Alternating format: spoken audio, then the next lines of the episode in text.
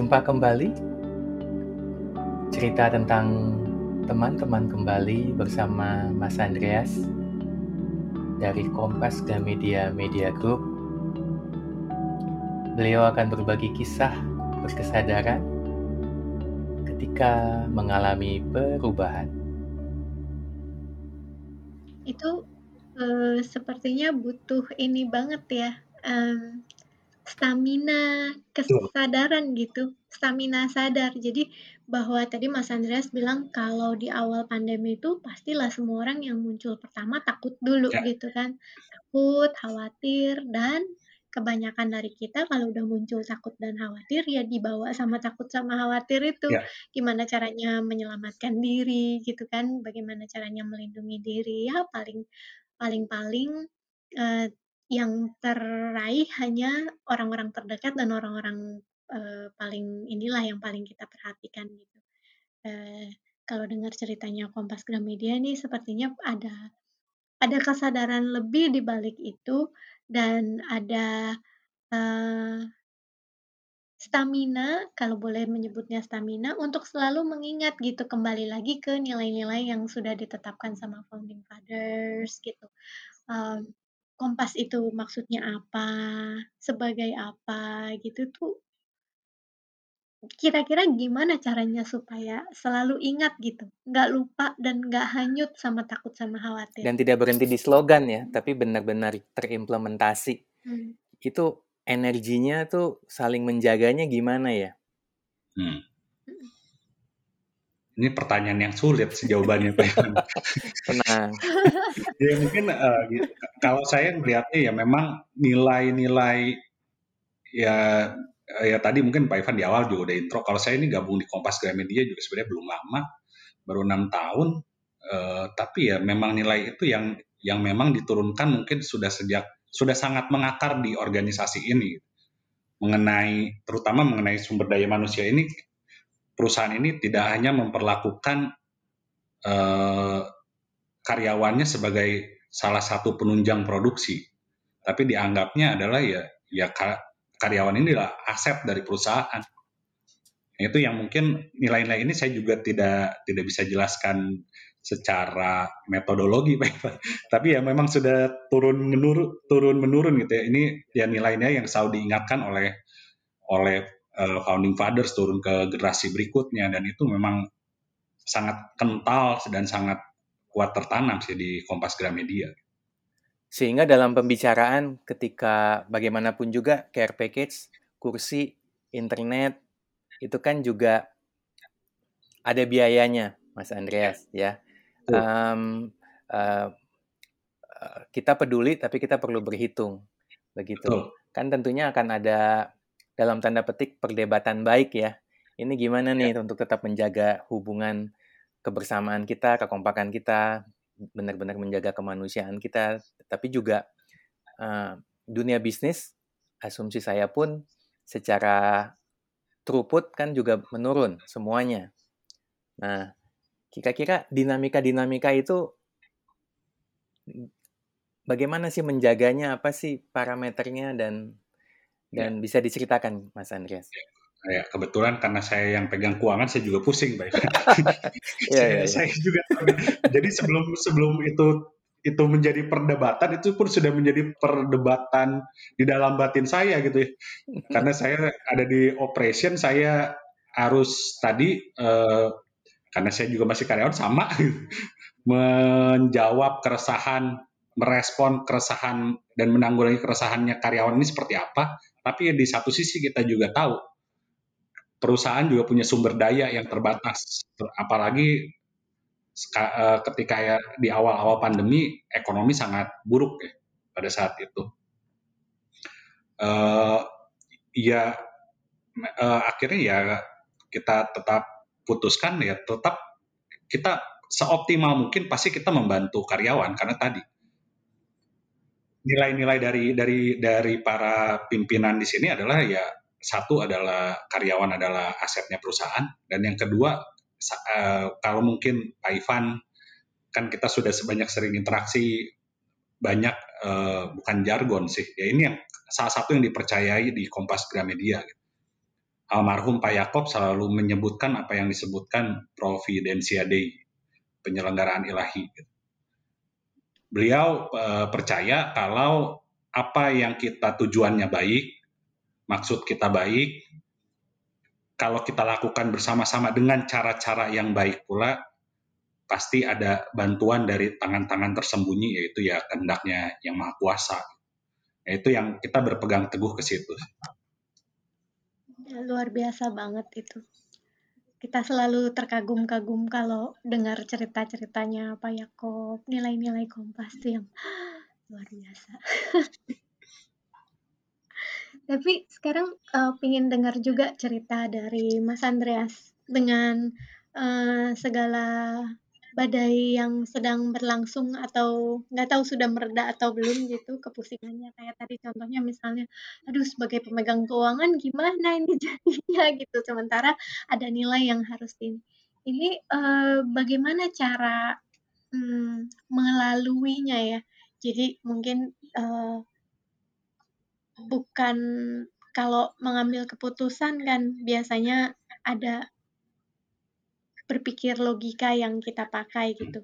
Tapi ketika dalam situasi seperti ini kan tidak bisa serta merta hanya menggunakan logika saja ada ada ada ada yang lain yang perlu di, dipertimbangkan juga di sana termasuk misalnya uh, sisi-sisi kemanusiaan dan yang gimana menggabungkan. Kalau di kami senantiasa berada kan kita suka bilang ini kan paradoks nih method sama non method yeah. gitu kan. Nah um, barangkali boleh diceritakan waktu itu gimana nih gabunginnya? Hmm, itu juga ya sama lah saya juga masih belajar Bu Siska. mau belajar. ya, semua belajar, ya, saya semua belajar. Kita juga. Melihat proses ini luar biasa lah ya, eh, terutama yang mengenai ya di tengah pandemi ini eh, interaksi sosial sangat terbatas dan saya kan pada dasarnya kan orangnya adalah orang ekstrovert gitu ekstrovert mungkin yang agak ekstrim lah saya tuh dan nggak tahu sih sesama teman-teman ekstrovert saya yang seperti saya rasanya sangat menderita sih ketika nggak bisa ketemu orang, ketika nggak bisa kongko, iya. nggak iya. bisa ngobrol gitu, itu sangat penderitaan yang luar biasa sih. Dan eh, bahkan eh, mungkin saya simple sih, ketika ini kan pasti jadi stressful lah. Kita satu ada kekhawatiran kita kena amit-amit positif COVID itu. Terus eh, kekhawatirannya itu tidak pernah berhenti sampai kita amit-amit kena sih atau kita sudah divaksin kan gitu. Hmm. Di sisi lain juga ada tekanan dari pekerjaan, ada mungkin setiap orang punya masalah pribadinya masing-masing. Itu luar biasa stressful sih. Kalau saya bahkan saya ngerasa ketika saya online meeting itu saya malah lebih cepat uh, emosinya lebih cepat naik dibandingkan kalau saya ketemu langsung gitu. Nah, uh, be belajarnya gimana menyeimbangkan ini ya saya ya itu tadi yang Bu Siska awal tarik nafas kali paling ya kadang-kadang ya teman-teman saya juga yang kebetulan berlatih bareng ya tahulah sudah ya karena kita ada mungkin di inner circle lah mungkin bahasa ininya. Simpelnya kita ada di inner circle udah tahu udah saling tahu tabiat satu sama lain udah saling mengenal lah pribadinya. Ya kita saling mengingatkan sih. Uh, tarik nafas. Jangan ngegas. Kadang-kadang pas itu oh iya gitu. Oh iya gitu. Uh, dan banyak juga karena di pandemi ini tadi di di organisasi di Kompas Gramedia masih menerapkan sebisa mungkin mendukung WFA, saya belajarnya yang saya banyak belajar adalah bagaimana mengelola waktu sih, disiplin diri. Ya kalau waktunya hmm. kerja, ya kita kerja gitu. Kan ya yang yang mungkin meme-meme-nya adalah ini jangan-jangan kerja dari rumah nggak tahu kerjanya yang benar berapa, side jobnya berapa gitu. Nah itu yang atau kepentingan pribadinya berapa. Nah ini yang saya belajar sih bagaimana mengelola waktu secara disiplin. Hmm, ya ya. Jadi, Ya. uh, senang juga kalau ada teman-teman yang, uh, sama-sama berlatih gitu ya. Jadi, uh, ada yang bantu ngingetin, lalu, uh, kalau kita mengingatkan pun yang diingatkan biasanya sadar, bukan tersinggung gitu. Nah, semua, uh, kebiasaan atau kesadaran untuk ingat tarik nafas dan sadar oh iya ya tadi baru ngegas ini biasanya kan ditunjang juga dengan uh, adanya daily practice ya ada latihan keseharian gitu. Uh, latihan kesehariannya kalau boleh dibagikan apa aja nih? Sebenarnya menurut saya pandemi ini mengajarkan kita hal baru sih. Justru itu tadi berkesada berkesadaran ini tanpa sadar kita lakukan di tengah pandemi ini.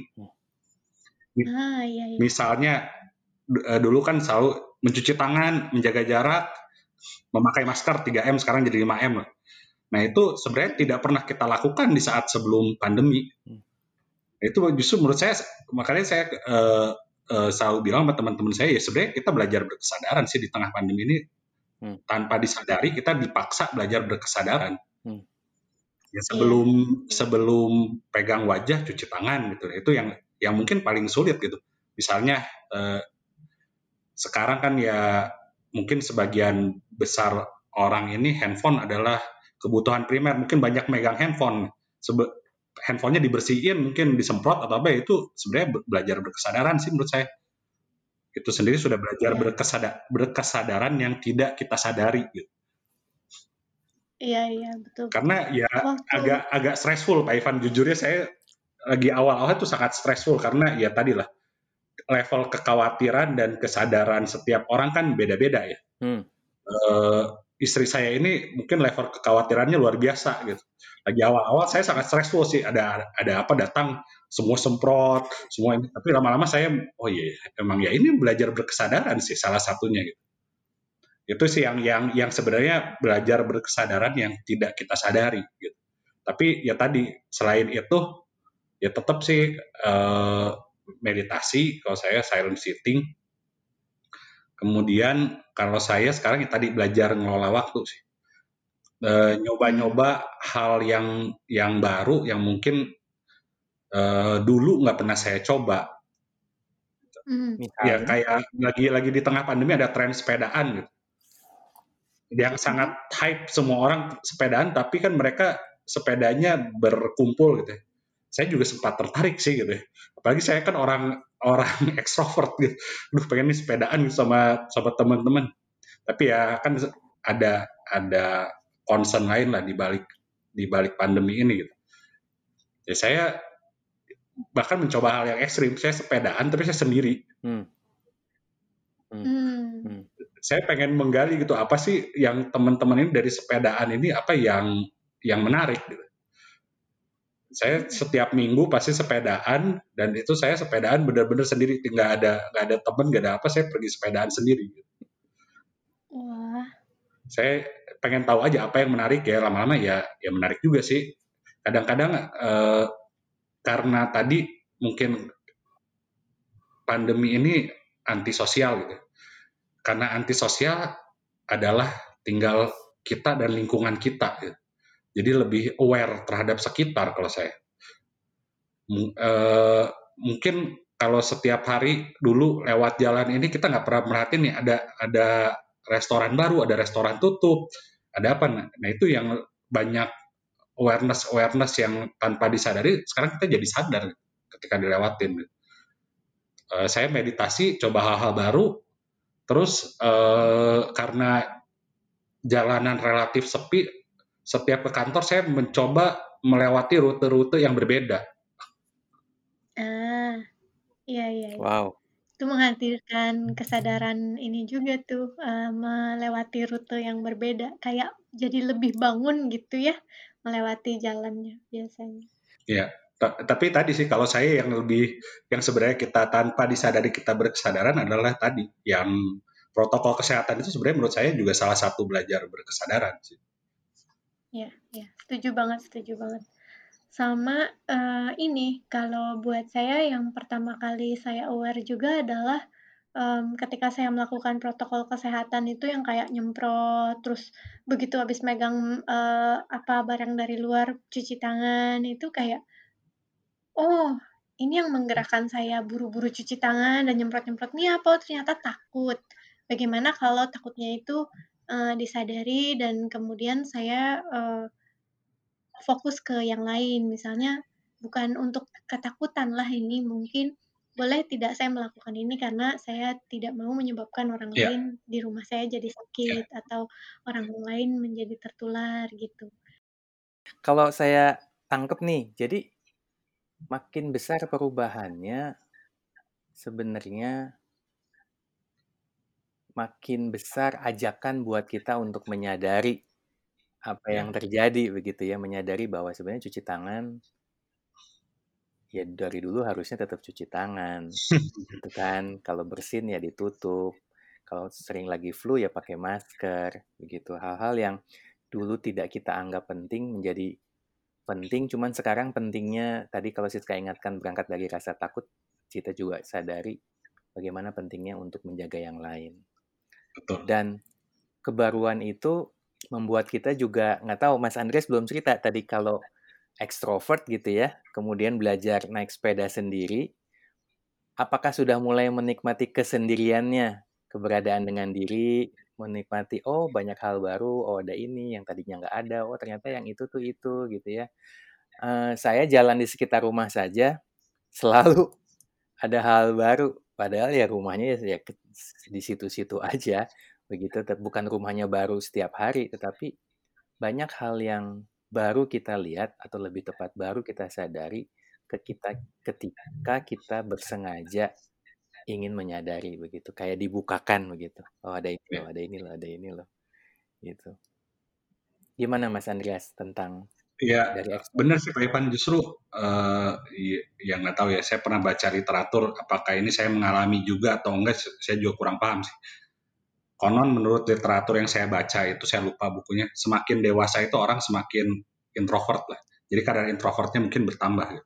cuma kalau ketika sebelum sebelum pandemi sih saya saya nggak merasa saya ada introvertnya sedikit pun sih.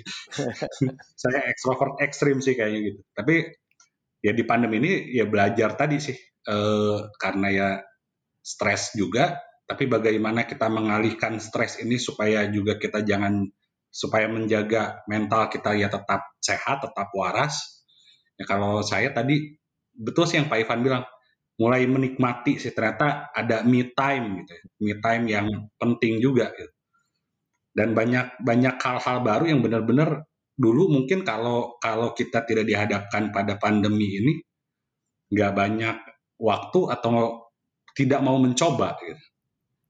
Karena resistensi dalam diri sendiri gitu. Tapi ketika dihadapkan dengan pandemi, ternyata oh oke okay juga ya gitu. Kayak saya tadi sepedaan sendiri, oh ternyata gini, oh, oke okay juga gitu, menarik juga. Iya, iya, iya. Menarik ya itu ya bahwa hal yang kita bilang ah, enggak lah itu bukan bukan saya gitu. Namanya juga extrovert. Kalau sepedaan ya rame-rame gitu kan. Ada filter yang kita bangun sendiri dengan iya. definisi yeah. kita tentang persepsi kita terhadap diri dan ketika kita coba, walaupun mungkinnya aneh awalnya, tapi ada kebermanfaatan yang lain. Kebaruan selalu umumnya lah ya, kalau nggak boleh dikatakan selalu. Banyak hal baik dari sana. Sebelum kita tutup nih Mas Andreas, tadi disebut tentang meditasi. Hal yang bagi kami sebenarnya kebiasaan mendasar dalam berkesadaran. Ada hikmah, ada pembelajaran, ada insight apa nggak dari selama sampai perjalanannya hingga saat ini? Pasti banyak lah Pak Ivan. Mungkin ya para pendengar pengen tahu, wah kok sempet-sempetnya gitu meditasi ya gitu. Sebagian kan akan ngelihatnya begitu. Ya ini kan uh, ya mungkin saya tarik balik dari awal ya perjumpaan saya Bu Siska dan Pak Ivan nih. Dulu kan ketika pertama kali dikenalkan dengan latihan berkesadaran kalau kita dulu sebutnya kalau di timnya kita kita sebutnya latihan mindfulness gitu ya. Ya mentornya kan Pak Ivan dan Bu Siska. Kita belajar bareng. Belajar bareng betul. Kita belajar bareng. Kan uh, ya belajar bersama kita sadari juga kalau latihan mindfulness ini non metode deh non metode dan sangat uh, subjektif lah kalau saya bilang. Jadi sangat penting mengalami dan merasakannya secara pribadi. Ya mungkin ada yang ekstrovert ekstrim seperti saya tapi cocok. Ada juga yang mungkin ekstrovert ekstrim tapi tidak cocok gitu. Ada juga yang introvert tidak cocok gitu kan ini sangat subjektif lah kalau saya sendiri lebih ngeliat, lebih merasakan, lebih mengalami dan merasakan ketika saya mengikuti latihan mindfulness ini ya lebih yang yang terutama sangat berubah adalah kepekaan. Hmm. Kepekaan, kepekaan terhadap eh, sekitar. Tadi misalnya tadi jalan-jalan aja dulu kalau lu nggak pernah eh, eh, manusia ini kan dengan kebiasaannya menyebabkan autopilot lah kalau saya bilang. Kalau misalnya saya tiap hari lewat situ, saya juga ya saya tutup mata juga udah tahu lah jalan lewat situ. Tapi mungkin saya nggak tahu di kiri ini ada apa, di kanan ini ada apa. Gitu. Kalau saya tidak perhatikan dengan detail, kepekaan itu sih yang saya saya rasakan eh, meningkat sangat drastis gitu, sangat ya sangat membantu orang jadi lebih peka dan lebih kalau saya dalam berorganisasi saya lihatnya lebih bisa mendengarkan orang lebih bisa mendengarkan, lebih bisa melihat bagaimana sudut pandang lawan bicara kita. Jadi bukan hanya apa yang ada di pikiran kita, tapi apa yang ada di sudut pandang lawan bicara kita itu juga sesuatu yang harus kita apresiasi, harus kita hargai walaupun ada perbedaan pasti ada alasan di balik perbedaan tersebut. Itu yang saya alami, saya rasakan. Latihan meditasinya kalau saya seperti apa saya masih sama 15 menit setiap hari. Dan di di awal hari ketika bangun tidur lebih fresh ya kalau saya yang uh, pikirannya. Kalau dikaitkan dengan organisasi ya tadi non method saya pun belum belum mengerti masih belajar bagaimana menghubungkannya dengan uh, organisasi tapi kami kalau di KG sendiri dulu kami memulainya dari kelompok kecil ya. Kelompok kecil di mana itu e, bisa dibilang ya inner circle. Kenapa di inner circle? Karena itu mungkin lebih mudah, lebih terbuka di antara satu dengan yang lainnya. Limitasinya lebih lebih sedikit. Jadi mungkin dan e, saat tadi fungsi saling mengingatkannya berjalan sudah itu ya diajak ke kelompok yang lebih besar kita ajak lagi kelompok yang lebih besar tapi tidak tidak dalam konteks mengajak ini memaksa ya karena tadi setiap orang mengalami merasakannya beda-beda masing-masing. Jadi belum tentu di dalam satu kelompok inner circle pun semua mengalami dan merasakan yang sama. Ada juga yang menurut gua nggak cocok ah gua gua nggak nggak mau ikut latihan lagi ya udah. Karena kan ini sangat subjektif dan sangat mengalami masing-masing kalau dikaitkan dengan organisasi yang saya keunikan yang saya saya temukan yang saya alami eh, satu secara hubungan emosional juga lebih hubungan personal lebih baik. Yang kedua kadang-kadang malah ada ide-ide ide-ide yang muncul yang tidak ada di rapat. Karena ya tadi di inner circle mungkin nyampainya lebih enak gitu daripada kita nyampein secara formal Nah itu banyak sekali ide-ide yang produktif yang muncul ketika bahkan kita uh, diskusi gitu ya, ketika ketika habis kita latihan bersama. Habis latihan bersama kadang-kadang juga kan kita ya belum jadi kita bahkan pasti tidak jadi orang yang paling bijak dan paling baik, tapi kita belajar bareng. Uh, di situ juga pastilah ada curhat gitu, ada eh gue lagi kesel sama si ini begini kita dengan mendengarkan di, diskusi ya sebenarnya curhat bukan mau tujuannya menjelek-jelekan tapi ya menumpahkan aja. Tapi mungkin di situ kita dapat masukan menurut menurut teman-teman kita seperti apa lihat sudut pandangnya gimana. Dan di situ disadarkan sih oh iya oh iya kadang-kadang suka begitu. Kalau dari sisi organisasinya tadi sih uh, secara metodologi lebih banyaknya yang membantu adalah tadi lebih solid karena tidak ada batasan di situ. Kalau suka ya kita kita jalan bareng, kalau nggak suka ya nggak apa-apa gitu. Nggak nggak di tidak mengharuskan ya. Dan di situ sering karena tidak mengharuskan suasana lebih cair, ide-ide itu lebih genuine dan lebih tulus saya bilang. Lebih tulus karena mungkin kalau di rapat formal kita ada pertimbangan ini akan menyinggung si ini nggak ya penerimaannya seperti apa gitu sehingga nggak berani gitu uh, mengemukakan pendapat. Tapi kalau di situ di suasana yang informal kita konteksnya ada berlatih bersama ya kita munculkan aja gitu. Dan itu yang yang yang sangat signifikan sih. Ya Mas Andreas, makasih banget insight-nya ya. Luar biasa bahwa 15 menit setiap harinya itu melahirkan kepekaan. Kepekaan untuk mudah melihat, mudah meng, mengidentifikasi oh ada perubahan, termasuk perbedaan pendapat itu adalah perubahan dari pendapat saya begini berubah orang lain padahal faktanya sama ngelihat dengan pandangannya yang berbeda dan kita tulus mendengar, tulus berpendapat karena biasanya kalau kami bilangnya dalam kita berlatih berkesadaran, kita kian peka dengan keberadaan kita dan setelah itu juga kian terjalin. Terjalin kita kayak merasa ada hubungan, merasa nggak sungkan, kalaupun saya tidak setuju juga bukan tidak setuju terhadap ya. orangnya, yeah. tapi tidak setuju terhadap opininya. Tidak berarti saya juga selalu benar, mungkin dia yang kali ini benar, tapi saya merasa perlu menyatakan pendapat karena kita merasa kayak terhubung aja, terjalin aja begitu.